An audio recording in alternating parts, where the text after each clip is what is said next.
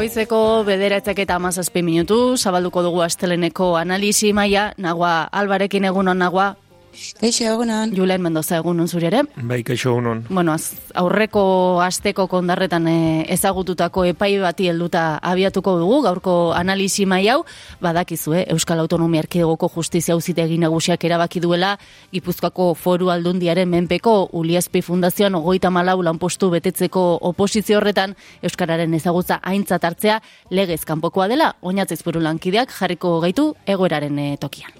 2008 bateko ekainean onartu zuen Uliazpik hogeita amalau zaintzaile kontratatzeko prozesua. Euskararen ezagutza hogeita amabi posturentzat baldintza zen eta beste birentzat meritua. Betegizun hori ordea bertan bera utzi du auzitegiak.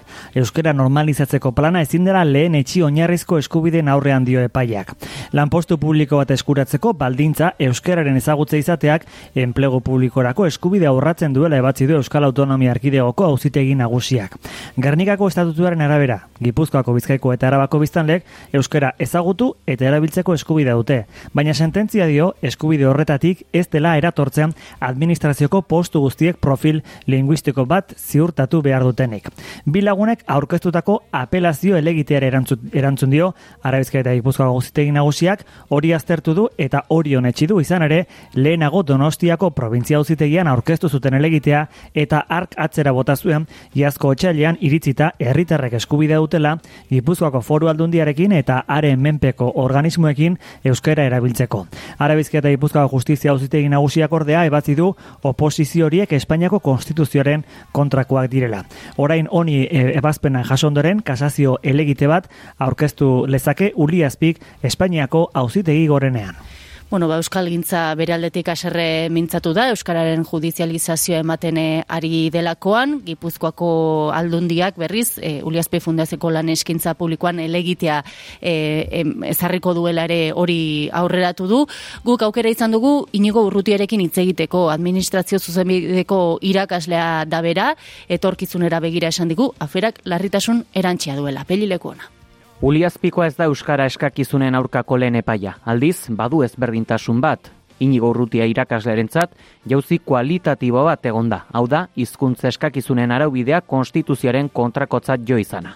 Bai, e, jauzi kualitatibo bat e, gertatu da epai honekin. E, orain arte, bai irungo kasuan, zein laudioko kasuan, e, epailek e, Euskara ezagutzaren aurka egin dute, baino e, orain artekoetan behintzat, erabili diren argumentuak izan dira konstituzioaren interpretazio, nolabait, e, oza, lineal bat, e, gure, hau da, Euskal Autonomia Erkidegoko izkuntzeskakizunei buruzko araubideak kontutan hartu barik.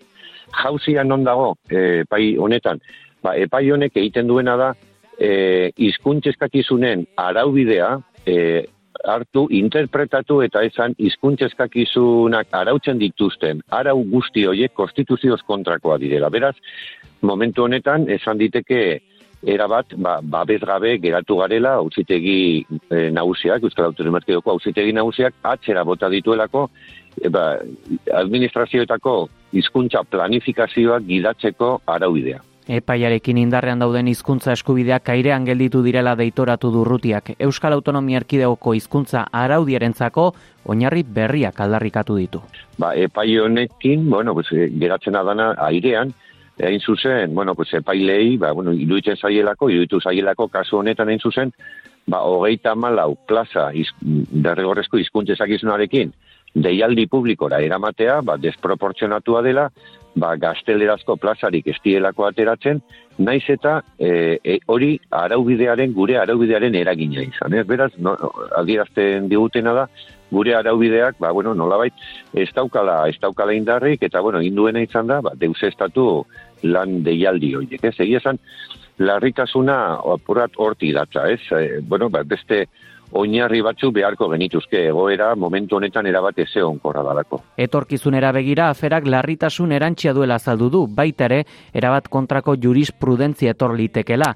Ondorioz, administrazio zuzenbideko irakasleak lege bihurtuko litzateken gizarte itun berri bat aldarrikatu du. Honek dauka noai larritasun erantzi bat, ez? Alde hortati, ba, bueno, aurrerantzari begira, ba, bueno, bai ikusten da, bueno, ba, beste oinarri batzuen premia daukagula, hau da, iruditzen zait interesgarri izan ditekela, ba, bueno, gizartetik abiatu eta bueno, gizarte itun berri bat egin barko genukela, guztion artean landuta euskararen etorkizuna eta euskararen bilakaerari buruzkoa, ez? Eta gero hori behin izan da horrela, ba, bueno, hori legeetara eran beharko litzateke apur bat, Katalunian eta Galizian, adibidez, administrazio publikoetako zerbitzai izateko naita eskoa da. Lanpostu guzti guztietan e, katalanera edo gallego ikastea, edo ikastea, jakitea, ez hori frogatzea.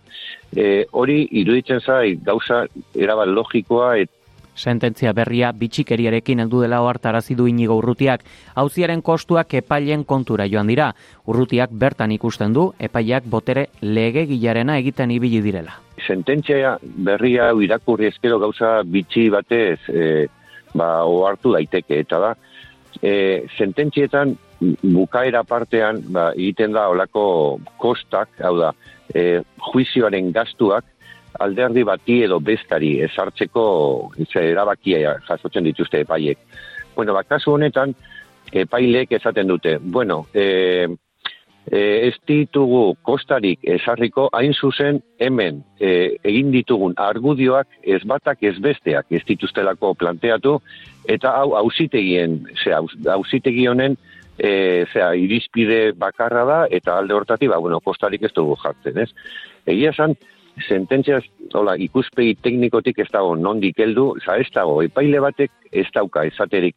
Bueno, naiz eta alegatu ez, guk hemen, e, gure oinarri hau, naiz eta ez, e, alderdi batek zenbeste, e, alegatu ez, bueno, ba, guri iruditzen zaigu, hau konstituzioz kontrakoa dela, ba, bueno, nolabait gaztele euskarik ez dakitenak ba, diskriminatzen dituztelako alako deialdiek. Ez egia esan, zait, erabat, e, iruditzen zait, olda, oldarraldi judizial baten, zean, e, bueno, pues, pues, magalean, e, gaudela momentu honetan, eta, eta bueno, nolabait, osea, legearen arabera jardun bit, e, e, e, beharrean, hor epailek dabiltzate ba, legegilearen egiten eta legegilearen papera hartzen, hartzen Gipuzkoako foru aldundiak elegite azarriko duela aurreratu du. Inigo urrutiak zail ikusten du egoera. Hala ere, zirrikultua orain artean auzitegi gorenak zein konstituzionalak emandako hainbat epairen jurisprudentzian egon daitekela uste du. Autonomia arkidego batek onartutako lege baten edo arauaren kasua izanik, basaitasunak izango ditu. Hala ere, nik saiatu, saiatuko nintzateki dutzen zait, badagoela, argudiorik e, hausitegi gorenera kasua eramateko, e, hain zuzen, bueno, ba, epai honek ez duelako errespetatzen bai hausitegi gorenak eta bereziki konstituzia hausitegiak emandako zenbait sententzia, ez? Jurisprudentziaren kontrako sententzia bada, Bueno, ba, arte, eh, inigo urrutia, kasu honetan administrazio zuzenbidean irakasle denak, eh, bueno, ba, bere aldetik eman dizkigun eh, balorazioak edo hauzi honen eh, inguruan, eh, Jule nola ikusi dizuzuk e, gertatutakoa? Aurreko astean aipatzen zigun inigo urrutiak bererentzako nolabeteko koska gainditze bat ere etorri dela honen ondorio zala ikusten duzuzuk ere? Ni naiz gai horrela e, teknikoki koska gainditze bat dagoela esateko ez ez? E, ni bai ikusten duana da sententzia bestearen atzetik etortzen ari direla ba izan barakaldokoa, nun esaten zen e, administrazioa kontratatzen zituen enpresetan, naiz eta zerbitzu publikoak eman ezin zirela hizkuntza eskakizunak eskatu, edo irungo udaltzengoan esan zenen ezin zirela plaza guziak euskerarekin lotu, edo baitere udaltzaingoan, ba, bai e, barne kontxeileritzatik udaltzengorako ateratzen diren oposizioetan e, e, gazteizeko epaitegi batek ere aipatu zuen ezin ziela perfiliak edo hizkuntza eskakizunak eskatu edo laudion gertatu zen beste sententzia bat, hau da, eta oraindik usten dut, baditu dala batzuk, aztu, azte zaizkidanak, ez? Eta usten dut, e, batzutan agian komenigarria dela e, ekartzea zenbat sententzia egon diren, e, azken aldian, ba, pixkat alertan kokatzen gaituztenak, ez? Eti jazta bat, ez dira bi, baizik eta ja dira nahiko, Eta egia da, sententzia honetan, e, aipatzen duela beste batzuetan aipatzen zuen errealia soziolinguistikoa eta horrelako gauza, hemen ja indizetan sartzen da, baina bereziki sartzen dena da ezin direla praktikante e, izkuntz eskakizunak eskatu kasu zietan, ez? Eta hori egia da, e, orain arte eukidugun legearen kon, espirituaren kontrakoa dela, ez? E, kontua da zer egiten dugun orain, ez? Zein da hartu beharreko bidea, zeiti etorriko dira beste batzuk, jarraituko dute e, jarraituko dute interesatuak edo partikular batzuek edo kolektibo batzuek e, e, horrelako e, prozesuak e, rekurritzen. Eta hemen aipatu nahiko nuke bai barakaldoko kasuan komisioen sobrera zegoela edo baita ere udaltzengoen kasuan e, barne kontxiliaritzatik ateatzen zen kasuan UGT zegoela Eta, bueno, baita ere hor, bueno, gutxienez, bai, alerta bat ere sindikatu hauen papera nunko katzen den euskara normalizazioaren bideo honetan. Baina kontua da, orai zer, zer egiten dugu, ez? Egia da, urrutia aipatzen zuela, eta erakurri ditu bere elkarrizketa ezberdinak, ez? Eta aipatzen zuen behar genuela horrelako konsenso bat, e, oinarri berriak jartzeko eta leo berriak ateratzeko, ez? Nei egia esan zalantza sortzen zait eh, horren, horren inguruan, ez? Ziti azkenean, e, ez da, e, berak esaten zuen bezala, TSJ esaten duen azkenean da, e, lege hau inkonstituzionala dela. Ez? Eta hor, beste lege bat ateatzeak, ez ote gaituen e, berriro toki berera eramango, ez? Eta beraz, zalantza sortzen dit, baina zalantza sortuta ere, bai usten dut, e, gaudela momentu batean, nun badela e, agian abagunea, nola baiteko konsensu batzuetara heltzen azteko. Eta konsensu horiek, agian berritu beharko luketela duela hogeita mar berrogi urte egon ziren konsensuak. Eta hori horrela ikusten dut, kontua da nola lortzen ditun konsensu horiek. Ez? Eta netzako erronka oso handia da, ez daitezela konsensuak e, bloketan oinarritu. Hau da, e, izan daiteke abertzaletasun bloke bat, e, sindikal gintza muituta ela talabek ordezkatu dezaketenak, eta politika gintza muituta EAJ eta, eta EH Bilduk ordezkatu dezaketenak, eta izan daiteke agian beste bloke bat, ba, alderdi popularra, alderdi sozialista, e, UGT komisiones edo e, e, egon daitekena, Eta gero dago Podemos, Podemosen papera, ez? Hor, badirudi, eh, erdigunean kokatzen den alderdi bezala, ez? Ez nuke nahiko hortik anabiatzea. Eta uste dut gai izan beharko nukela bloke horiek eh, gaindit, gainditzeko, ez? Eta hor, nera usnarketa da, agian Euskal Gintzari eh, datorkiola bizi dugun une hau, eta uste dut une garrantzitsua dela, e, perspektiba historiko batekin kokatuta une garrantzitsu batean, e, une garrantzitsua bizitzen ari garela, eta uste dut Euskal Gintzak gai izan beharko lukela Euskararen inguruko konsensu berriak lortzea, blokeak haindituko lituzken konsensu berri horiek e, lortzea, alderdietatik eta sindikatuetatik aratago kokatuko lirateken konsensu horiek lortzea. Eta uste hori importanta dela, eta gero horrek lege batean eukibarko balu bere reflejoa ba, euki beharko du, eta ikusiko nuke ondonen e, zegoeretan topatzen gara, baina egia da behar dugula aktibazio puntu bat e, Euskararen inguruan, eta uste eta gian, sententzia hauek e, aukera ematen digutela berri ere gure burua aktibatzeko. Ez? e, inigo rutiak berez gizarte itun berria aldarrikatzen e, zuen, nagoa, ez dakit, e, zuk bideo horretatik ikusten duzu nola baitere, bueno, beharrezkoa ote den itun, itun hori, lehenbizi, edo eta beharrezkoak ote diren konsensuak orain julenek aipatzen zuen e, bezala, baina horreri ikusten diozun arriskoa, ba, nola baitere blokeka edo antolatu daitekeen hori, eta horrek ba, behar bada ekarri ditazkela, e, bestelako, bueno, ba, arazu edo gatazka batzuk nola ikusten duzu? Bai, e, Julenek orain esan dakorekin guztiz bat nator. Nik kasu, kasu honetan eta eta atera diren beste e, epaien kasuan bi gauza kezkagarri ikuste ditut alde batetik eta eta inigo urrutiak aipatzen zuen e, epaia, epai honekin auzitegiak hartzen duen e, papera. Azken finean auzitegiak egiten duena honekin hizkuntza politika da, e, eta hori ez da auzitegi baten papera, hori botere legegilaren papera da, eta e, bere gain hartzen du paper hori, eta hori formalki, e, bueno, larria iruditzen zait, eta bestetik, e, epaiak jarraitzen duen logika ere, e, oso kezkagarria iruditzen zait. E, oso galdera simplea, erabakia berdina izango litzateke e, gaztelania izango balitz eskatzen dena. Argi dago e, e, hori etzela gertatuko, imaginezina e, dela hori pentsatzea, eta horrek zer demostratzen du. E, jarraitu den logikaren arabera gure bi hizkuntza ofizialak ez daudela. E, maila berean jerarkia bat dagoela bata mm, e, desiragarria dela eta bestea beharrezkoa ezinbestekoa. Eta e, horrek zer dakar iztunen artean ere jerarkia horren existentzia. Lehen maiako e, herritarrak daude, zerbitzua beraien hizkuntzan ziurtatuta dutenak, eta bigarren mailako herritarrak daude, euskaraz egiten dutenak, eta bueno, beraien e, hizkuntza eskubidak etengabe urratuta ikusten dutenak. Nik ez dut ulertzen, nola izan daiteke, nola, nola izan dezaken horrek kabida e, konstituzioaren barnean, berez konstituzioaren arabera, herritar guztiak berdinak e, direlako, eta kasu honetan argi dago maila ezberdinak daudela. Eta hori nire ustez em, e, judizialki onartezina da eta erakunde publiko batean e, are gehiago.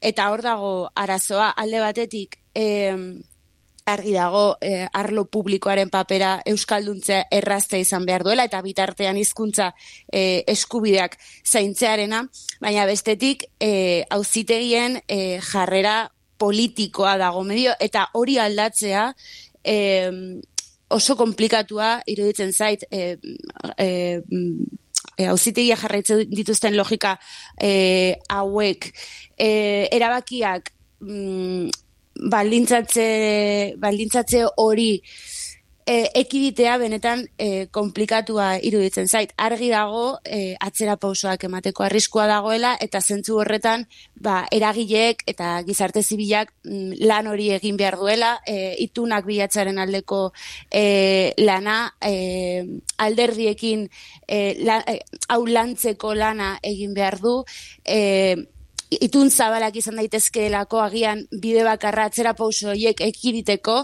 baina nire ustez auzitegiekin e, eta auzitegien jarrerarekin arazo larria daukagu eta hau eraldatzea benetan komplikatua da. bueno, ba, Uliazpiko epai honek e, ataka zabaldu duela, e, berba da, langileen eskubideak versus herritarren hizkuntza eskubideak, e, bueno, ba, binomio horretan nola baitere, gainera konstituzioa ere tartean sartuta, bueno, ikusiko dugu azkenean, honi aurre egiteko modurik ba ote dagoen eta nola egiten den edo zein kasutan. Gaurkoan ere, aprobetsatu nahi genuen, e, martxoaren sortzia agertu dugun honetan, e, politikaren lidergotzaz eta emozioez edo zaurgarritasuna hitz egiteko ere bai. Eta horretarako ba aukera mandigu e, Julentzuk zer horrek Gipuzkoako Foru Aldundiak etorkizuna eraikiz. Foruaren e, baitan orain gutxi eskaini duzun hitzaldi batek. Biok duzue berez naguata Julen e, politikaren lehen lerroa aski ondo ezagutzen duzue. Badakizu ondo zer suposatzen duen horrek zer dakarren hori bizitzeak. E, beraz bere argiak baina bere ilunez ere hitz egin nahiko genuke gaur zurekin. Ze ilun horietaz nagoa ez da asko hitz egiten, ez? E, ez da hitz egiten, eta e, nik e, eskertu dut e, julenek e, gai ateratzea, benetan e, larri ditzen zaidarako, eta e, azken aldi honetan askotan hitz egin dut e, politikan aritu diren e, pertsonekin, edo ari diren pertsonekin, eta askotan izkutatu egiten da, e, bai arlo emozionala, baina baita e, humanidadea bera e, azkenean badirudi e, politikan aritzen direna e, ez direla ez direla pertsonak sentimendurik e, gabeko kudeatzaileak direla e, bakarri gaina e, jurenek aipatzen du beritzaldian, e, indartsuak izan behar direnak, e, agresiboak izan behar direnak, e, eta hori, nire ustez horrek e, alde batetik hori arazo larria da e, politikan e, aritzen e, diren pertsonentzat. Baina bestetik gizarte mailan duen e, eragina e, olako e, kudeatzaileak izateren e, irudia benetan kaltegarria iruditzen zait. E, azken aldi honetan asko hitz egin dugu osasun mentalari buruz eta e, eztabaida horretan ustez ere garrantzitsua da e, ulertzea e, pertsonai mm, publiko e, guztiek mm, bueno, badituztela e, beraien emozioak, beraien sentimenduak kudeatu beharko e, e, beharreko kontuak eta askotan hori e, izkutatu, izkutatu egiten da, eta bereziki interesgarria iruditu zait, genero ikuspegi batetik, ze, julenek e, aipatzen du e, gizonezkoen kasua, e, gizonei ukatu egiten zaiela, e, bueno, emozio, zenbait emozio e, sentitzea, Eta e, nik hori ikusi nuen ere e, emakume bezala eta bereziki e, gaztea izan da, e, argi dago e, emakumeok mm, baimen handiagoa dugula e, zenbait mm, e, emozio sentitzeko edo sensibleak izateko, baina aldi berean e, emozio hoiek e, bueno, zaurgarritasunarekin eta eta uleziarekin loturik daude eta e, politikan ari diren emakumea, emakumeek emozio hoiek ere e, izkutatu egin behar dituzte. E, bestela, e, demostratzen dutena edo, edo hori da behintzat sentitzen dena politikan ari zarenean, demostratzen ari zarena da, bueno, emakume bezala, etzerala, hain kapaza politikan aritzeko aulagoa zarelako. Eta, e, bueno, atentzia ditu zidan, e, gizon baten ikuspuntutik hori ikustea azkenean ematen den logika, logika patriarkala dena, e, guztiz berdina delako, e, leku ez berdinetatik, baina, baina ondorioa berdina delako, ez, emozioak izkutatu egiten direla, aulezia e, bezala e, ikus daitekena izkutatu egiten dela. Zuk, e, Julen, itzaldi horren, abia puntuan edo alkate zinela bizi izandako pasarte bat edo ekartzen zenun gogora, ez? Bai, bueno, eh, nik horra ipatzen nuen, ez? Ba, 2000 eta amazazpiko azaroan izan zen, eta, bueno, ba, momentu batean eh, eh, ba, sentitu nuen ezin nuela gehiago, segurasko. Eh, oso zaila saltzea, ansia de krisi bat eman zian. Ez dakit, pasaduenak oso ondo ulertuko dute, ez duenak pasa, zaila ingo zaila ulertzea, nola bizitzen den ansia de krisi bat. Nile nago izan ituen ezagun batzuk, nere inguruan pasasutenak eta ez nuen oso ondo ulertzen zergetik ez ziren gai buelta emateko erari, ez? Eta azkenean nahi tokatu zitzean konturatzen zera, nola eragiten dizun, ze sentsazioak sortzen dizkizun, gorputzean nola eragiten dizun, e, horra ipatzen dute, ez? E, sentsazioa lehenengo aldia eman ziena, zen bihotzeko emango balira dezela, ez? Eta zen sentsazio bat ezin atera bertatik, ez? Eta kasu horretan gainera nakan ez zer, e, lasaigarririk ez nuen, eta nakan bakarra parazetamoloa zen, eta horrela egin nuen, hartu nuen, iruditze zitzelako, bueno, desesperazio batean, ba, hartu zerbait hartu behar nuela, ez? Orduan, egia da nahi, Itzaldi hau egitea proposatu ziatenean, beste batzuekin batera, bazeon e, naziarteko aditu bat, gero zeuden e, UPV-ko e, ikerlari batzuek ere, pixkat emozioak eta politika aztertu zutena, Ba, nik ez nakan inungo, bueno, oso argi ikusi nuen aziratik, naiz eta aziran zanantzen dituen tituloarekin, baina aziratik oso argi eduki nuen e, zer lan nahi nuen, ez? Eta egia da pasarte horrekin azten dudala, nire politikako pasarte horrekin, zeti nahi e, hori gertatu zitzaidanean ezin izan nuen esan, gorde behar izan nuen, nik horrela bizitu nuen, agian etzen beharrezkoa, baina nik horrela mm. bizitu nuen, eta gorde nuen, iruitze zitzailako norbaitek aprotxatu zezak, ela behira ze e, debil edo ahul agertzen den e, persona hau, eta nola izango da, e, alkate hain ahul agertzen den pertsona, pertsona hori, ez? Eta orduan gorde nuen, eta Karo, gorden ezaken denbora batez, eta bila betetara bultatu behar izan nuen, nahiz eta erabat ondo ez negoen, baina, bueno, ba, bultatu behar nuen, bestela udal batzak altzen dituen, udal batzetara ez nintzen juten, justifikatu behar zen, zergatik nintzen juten, esplikazioak ematen hasi behar zen, eta orduan e, horregatik e, gertatu zitzaidan, eta bultatu nintzen, ez? Baina gertatu zaidan beste gauza bat izan da ondoren, eta duela ezain beste, nire prozesu personal propio bat ere egin dudala, ez? Ba, nire formazio batetik eta bar, ba, nire barrura begirako prozesu bat egin dudala, ez? Eta prozesu horretan, e, bueno, saiatzen dira zen ikusten pixka bat, gure bizitzako e, episodio desberdinak, aztantzen genituen, fenomenologia ditzen dena egiten genuen gure buruarekin, eta gero ikusten genuen episodio horrek e, zeharreman izan zezaketen beraien artean, ez? Eta, eta azterketa hori eginda, ba oso sakona zena, eta montu batzutan gogorra, montu batzutan ez dakizulako ez da zein zaren ere, e, iritsi nintzen nola. Hau da, e, maskulinitateak e, nola eragin zidan eri, eta nola ukatzen nuen zaurgarritasuna. Ez? Edo nola bizitzen nuen nik, ukatu baino nola bizitzen nuen zaurgarritasunarekiko harreman hori ez.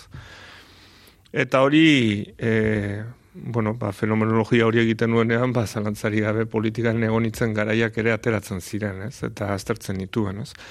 Eta horregatik egin nuen e, gero hitzaldi hori, oso argi nuen, hortikan e, egin behar zela. Usten dute maskulinitatea oso sartuta dagoela gizarteko egitura, ez daki guzietan, baina ia gehienetan, eta politika gintza eta instituzio gintzan ere, Eta usten dut horrek, eta bereziki hor saiatu nintzen ere, e, ez bakarrik esperientzia eta saltzen, baizik eta baita ere egun bizi dugun kontestuan, edo testu inguruan, eta asko itziten da gobernantza kolaboratiboaz, eta asko itziten da eragile dezuezbien arteko elkarlanaz, eta bar, usten dute maskulinitatea dituen ezaugarri batzuek ez digutela usten benetan sakontzen prozesu horietan, eta beraz hor aldaketa sakonak behar ditugula, eta zalantzari gabe gizonozkok, gure barrura begiratu behar dugula, ez? Eta hemen aipatu da martxoaren sortzia, ba, uste martxoaren sortzia, edo movimendu feministak egin duen e, bidea eta lana, e, guri interpelatzen gaituela, eta, eta hori eskertzen dut.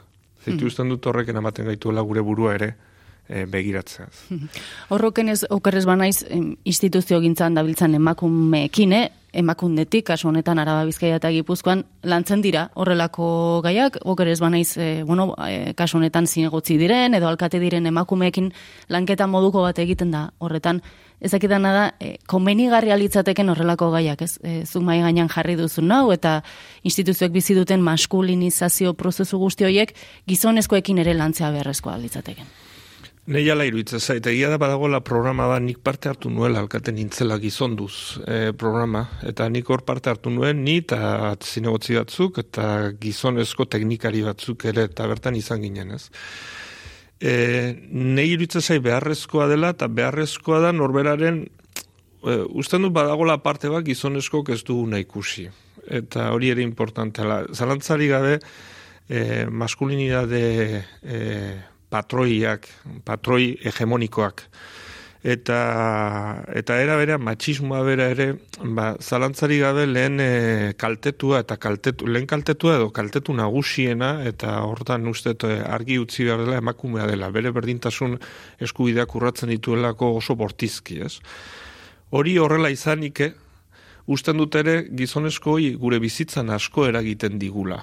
E, hau da, gure norbera bere buruari begiratzen hasiko balitz ja ez emakumearekiko harreman horretan baizik eta norbera bere buruarekiko duen harreman horretan ere uste den mundu bat dela gizonezkontzako ere eta dekonstruzio puntu bat behar dugula eta behar dugula ere beste ba, zalantzari gabe borra ipatzen da, ez? Ba, gizonezko ikasi dugu txikitatik emozioak ukatzen, ez? Edo emozioi tarterik ez egukitzen, ez? Ez denak badira emozio batzuk, ba, aserrea, arrabia izan daitezkenak, hoi legitimoak direla maskulinidade hegemoniko batean, baina beste batzuk ez, ez? Eta uste dut hor badagoela, e, eta, karo, eta esan nahi nuena zen, horrek nola eragiten digun, gizon gure bizitzan, gure e, nola baiteko bizitza pleno batean, ez? Eta uste hor badagoela mundu bat oso interesgarria dena, landu daitekena, ez bakarri politika gintzan eta instituzio gintzan, baizik eta bait, baita ere enpresetan eta bestelako toki hauetan, e, uste dudalako gizonen aldaketa oso beharrezkoa dela ere e, bide hau egiteko. Ez, ez bakarrik emakumen e, alduntzea, baizik eta baita ere gizonezko gure buruari begiratu eta eraldaketa sakonak egitearena garrantzitsuala eta ni hortikan joko nuke gure esperientzia vital gure bizitzako esperientzia hori begiratu eta horiek nola baldintzatu daituzten e, aztertzen, ez? Nik horrela ingo nuke Nagua zure kasuan aipatu duzu emakumea eta gainera gaztea izatea ere egokitu zitzaizunez politikari lotutako zure ibilbide horretan, bikoitza da zama hori? E, bai, azken zinean, egunero demostratu behar duzulako, naiz eta gazte izan, naiz eta emakume izan, e, badaukazula zilegitasuna lan hori egiteko eta eta e, espazio hoietan e, egoteko, e, nik paternalismo izugarria e, sufritu nuen urte, urte hoietan, eta benetan azkenean horrek eskatzen zuena e, lan bikoitza zen politika egin bertzen nuen eta aldi berean e, paternalismo horren e, aurkako edo hori ekiditeko e, lana.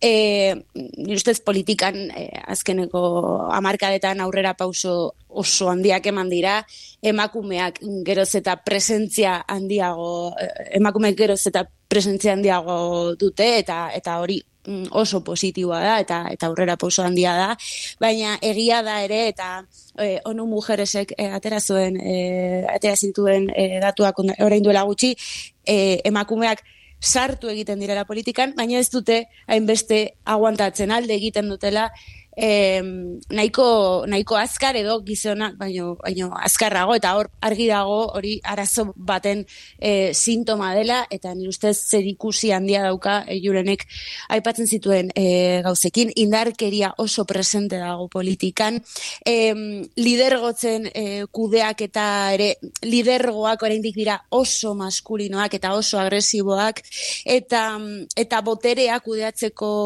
erak e, ere e, indarkeria eta eta e, eta leia polarizazio kutsu hori dutetan irustez horrek ere e, horren ondorio nagusia da. E, ez bakarrik emakumeak baizik eta e, maskulinitate errol tradizionalarekin identifikatzen ez direnak edo bertan eroso sentitzen ez direnak e, politikatik alde egiten dutela eta eta horren ondorio nagusia da e, kultura politikoaren aldaketa ez dela ematen benetan aldaketa hori sustatu dezaketen agente agenteak alde egiten dutelako eta zentzu horretan egin behar da. Eta mugimendu feminista oso eredugarria iruditzen zait eh, argi demostratu duelako eh, formalki eh, eh, orain eh, ez naiz eh, edukiei begira baizik eta eh, antolatzeko erari begira mugimendu feministak duen antolatzeko era eh, horizontalagoa eh, dena.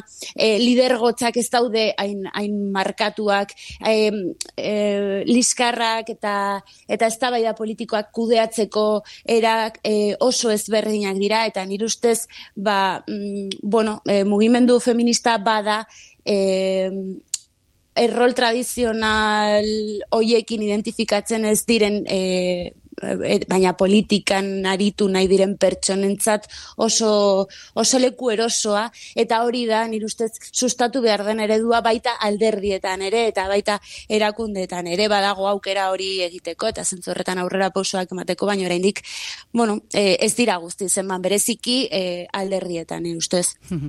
bueno, honetaz guztiaz, e, ari gara injustu emakumearen nazioarteko egunaren atarietan, martxoaren sortzia asteazkena izango dugu, E, jaieguna izan barko luke martxoaren sortzia, nagoak e, gogoratuko dugu e, idoia mendia laukako lan sailburuak eginduen proposamena dela, datorren urtean 2008 lauan martxoaren sortzia jaiegun izatea, zer iritzen zaizu zuri? Ba, nik, e, nik bi kritika nagusi entzun ditut, batekin ez nator bat eta eta bestearekin e, bai alde batetik batzuk esaten dute e, borroka eguna izanik martxoaren sortzia ezin duela e, jaieguna izan. Honekin ez nator bat, e, adibidez maiatzaren lehena borroka eguna da ere, eta jai eguna izateak zilegitasun bat ematen dio, eta zentzu horretan ba, mm, bueno, e, ondo iruditzen, iruditzen zait. Baina bestetik, e, e, kritikak egin dira ere, e, bueno, mugimendu e, fribolotzat e, hartzen derako hau, eta honekin e, bat nator. Nire ustez, e, bueno, gobernu batean zaudenean, e, eta proposamenak luzatzeko aukera duzunean, e, gauzak aldatzeko benetazko aukera duzunean, bagian, e, bestelako proposamen batzuk urgenteagoak dira, ez? E, soldata arrakararekin zer ikusia dutenak, edo, edo zaintzen ereduarekin, kontziliazioarekin e, zer ikusia dutenan, edo, edo indarkeria e, matxistarekin.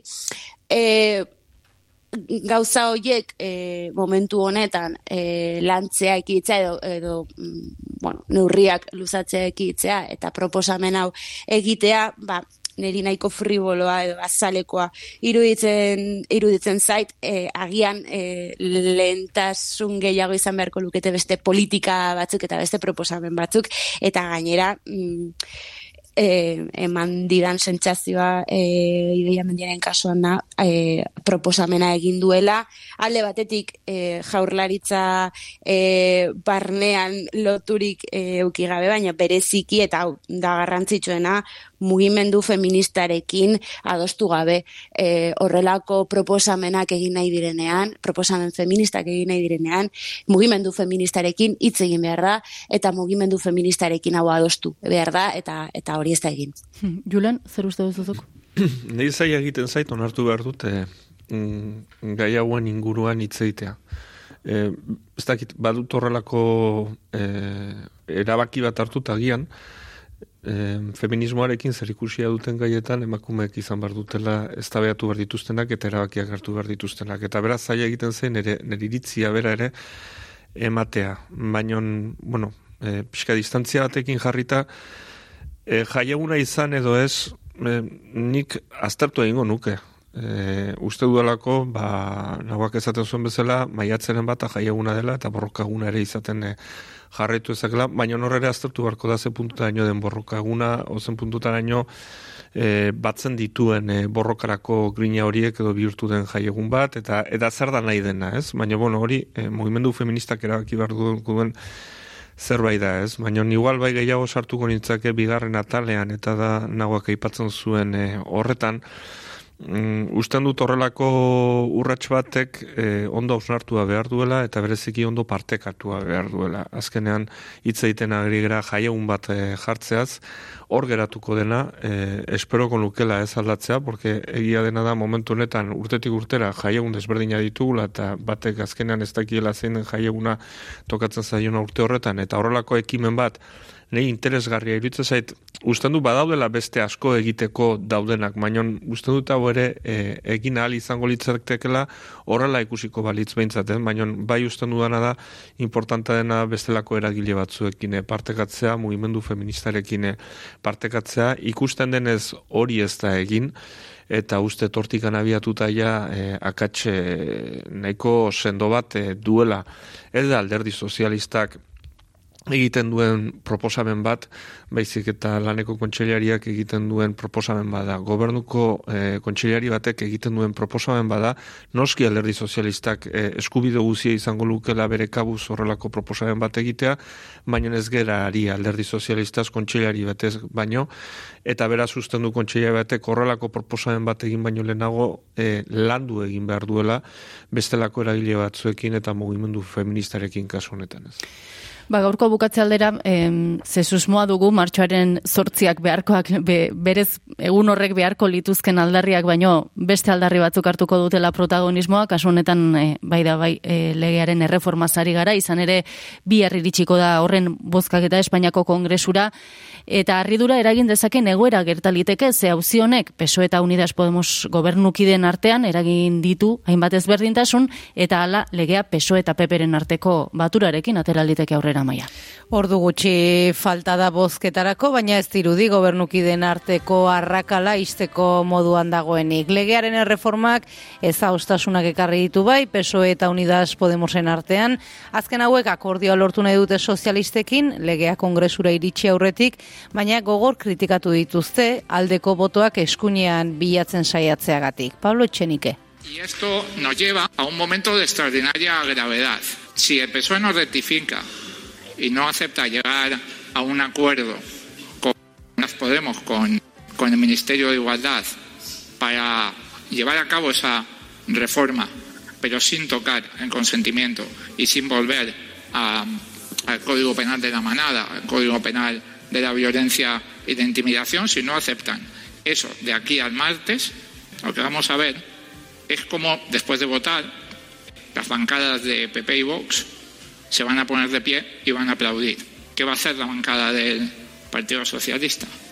Se va a poner de pie y va a aplaudir. PSOE kordea ezinbesteko ikusten du legea lehenbailen aldatzea, diote emakumearen kontsentimentu edo baimenak legearen ardatz izaten eh, segiko duela. Maria Jesus Montero. Este partido que cuando ve una ley no se corresponde con lo que quiere, la rectifica. Zer esana eman du alaber azken orduetan Carmen Calbok legearekin eh, kritikoen azaldu den diputatu sozialistak. Nada que ver, no es un retroceso, es un avance absolutamente colocado en el espacio donde el derecho penal tiene que reaccionar muy gravemente con delitos que son muy graves. Es decir, la modificación que proponemos no nos devuelve a la manada. Lege reforma besteaz gain, hori aurrera ateratzeko alde dagoen donorekin aurrera egitea defendatu du, baita eskuina edo eskuin muturra bada ere. Honek ekarriko dituen arrisku ez oartarazi du Unidas Podemosek, esan du PSOEk lege reforma PP eta Voxen balekoekin aurrera ateratzen badu, iruzur egingo diela herritarrei. Aurre ikusteko zen gaiak nahikoa gora bera ekarriko zituela, ez? E, e, onartu zen egunetik bertatik, bueno, itxura zala ala da, ez? E, Julen nola ikusten duzu? Bai, bai, zalantzari gabe ez, eta nik usten dute bi, bi ikuspegitik, batek, batetik igual gehiago eduki aldetik, eta usten dut hor, e, bo, nineko kritikoa naiz egiten den aldaketa honekin, honek suposatzen duelako, ba, bere momentuan egin zen lege aldaketaren espirituaren edo izaeraren kontra aritzea, ala iruditzen zaite neri behintzat, nik bai usten dut aldaketa bat behar zuela, e, naiz eta ez nagoen bat ere ado sortu den ez da punitibo horrekin, baina bai zalantzari gabe aldaketa bat behar zuela ja, usten dudala, eh? baina ez, ez aldaketa hau. Hori edukiari da okionez, eta bestetik ondorio politikoi da okionez. Ez? Eta uste hori garrantzitsua. Norbaitek legintzali honen hasieran e, gobernu honen hasieran e, aurrikusi beharko balu zerk eraman dezake gobernu hau krisi zerk eraman zezaken gobernu hau krisiko o, sakon batera. Uste ez lukela ez da imaginatuko ere berdintasun gai batekin gertatu zitekela horrelako krisi bat ez? Eta zal, bueno, badut horrelako e, bat nun bihurtu den horre, e, gotortuta daude momentu honetan gobernuko bi alderdi horiek gotortu egin dira eta ari dira gehiago pentsatzen ibilbide honen bukaeran bakoitza nola aterako den, e, gobernu hau nola aterako den baino. Eta okerragoa dena orandik, e, honek izango du nola baiteko ikusiko duguna da, e, kongresuan bertan ere, bere momentuan zentsura mozioa babestu zuten alderdien arteko banaketa eta hori ja nahiko grabea iruditzen zait ikusiko duguna ze ondorio ditun. Ez dut uste gobernua eroriko denik, baina uste dut gauzak ez direla berdinak izango egun horretatik bihartik aurrera, eta ikusiko dugu ze gertatzen baina niri asko eskatzen hauen gauza bada. Nagoa nola ikusten duzuzuk? Ba, alde batetik ez markoa bera oso kezkagarria e, iruditzen zait, eta jurenek aipatzen zuen marko, marko punitibista horrek e, arrisku handiak sortze ditu, eta eta eskuinari beste deikten dio gainera, oso oso sentitzen direlako e, marko horretan, eta, eta bueno, e, joko, joko horretan sartu da alderdi sozialista, eta, eta, eta mm, bueno, agian e, ekirin behar beharreko zerbait e, zen hori alde batetik. Bestetik, behin puntu honetara iritsita, akordioa ezinbestekoa da. Akordioa ezinbestekoa da, alde batetik, e, bestela legeak e, zilegitasun guztia galduko duelako, eta lege, lege, lege hau oso garrantzitsua da, paradigma aldaketa bat e, sortzen duelako, e, eta zentzu horretan e, ezin da e, atzera pausorik e, onartu, baina bestetik ere, e, kiden, e, gobernuaren alde egin duten alderdien posizioa e, oso komplikatua delako momentu honetan. E, aukeratu behar hori e, ba, oso deserosoa da alderdi hauek guztientzat eta gobernuaren zeregina da ere e, bere alde egin duten e, alderdiak e, zaintzea eta e, zaintzeko alderdiak zaintzeko modu bakarra da e, bueno, akordio bat bilatzea, gainera, gogoratu beharra dago legea ez dela Irene Monteroren e, lege bat, baizik eta gobernuak landutako e, lege bat, gobernuarena zen e, lege bat, eta beraz e, lege hori aldatu behar bada e, gobernuak aldatu behar du, eta ez bakarrik gobernua osatzen duen e, alderdi, alderdi batek, eta gainera e, e, eskuinak ide izanik. Bueno, ba, puri purian dagoela gaia, esan bezala, ordu gutxi biharre bozketa hori emateko Espainiako diputatuen kongresuan ikusiko dugu azkenean zer gertatzen den. Denborari gabe, geratu gara, goizeko amarretako kanbaiak eman dute, nagua alba julen mendoza eskerrik asko bioi, gaur ere. Eskerrik asko zuai. Eskerrik asko bai.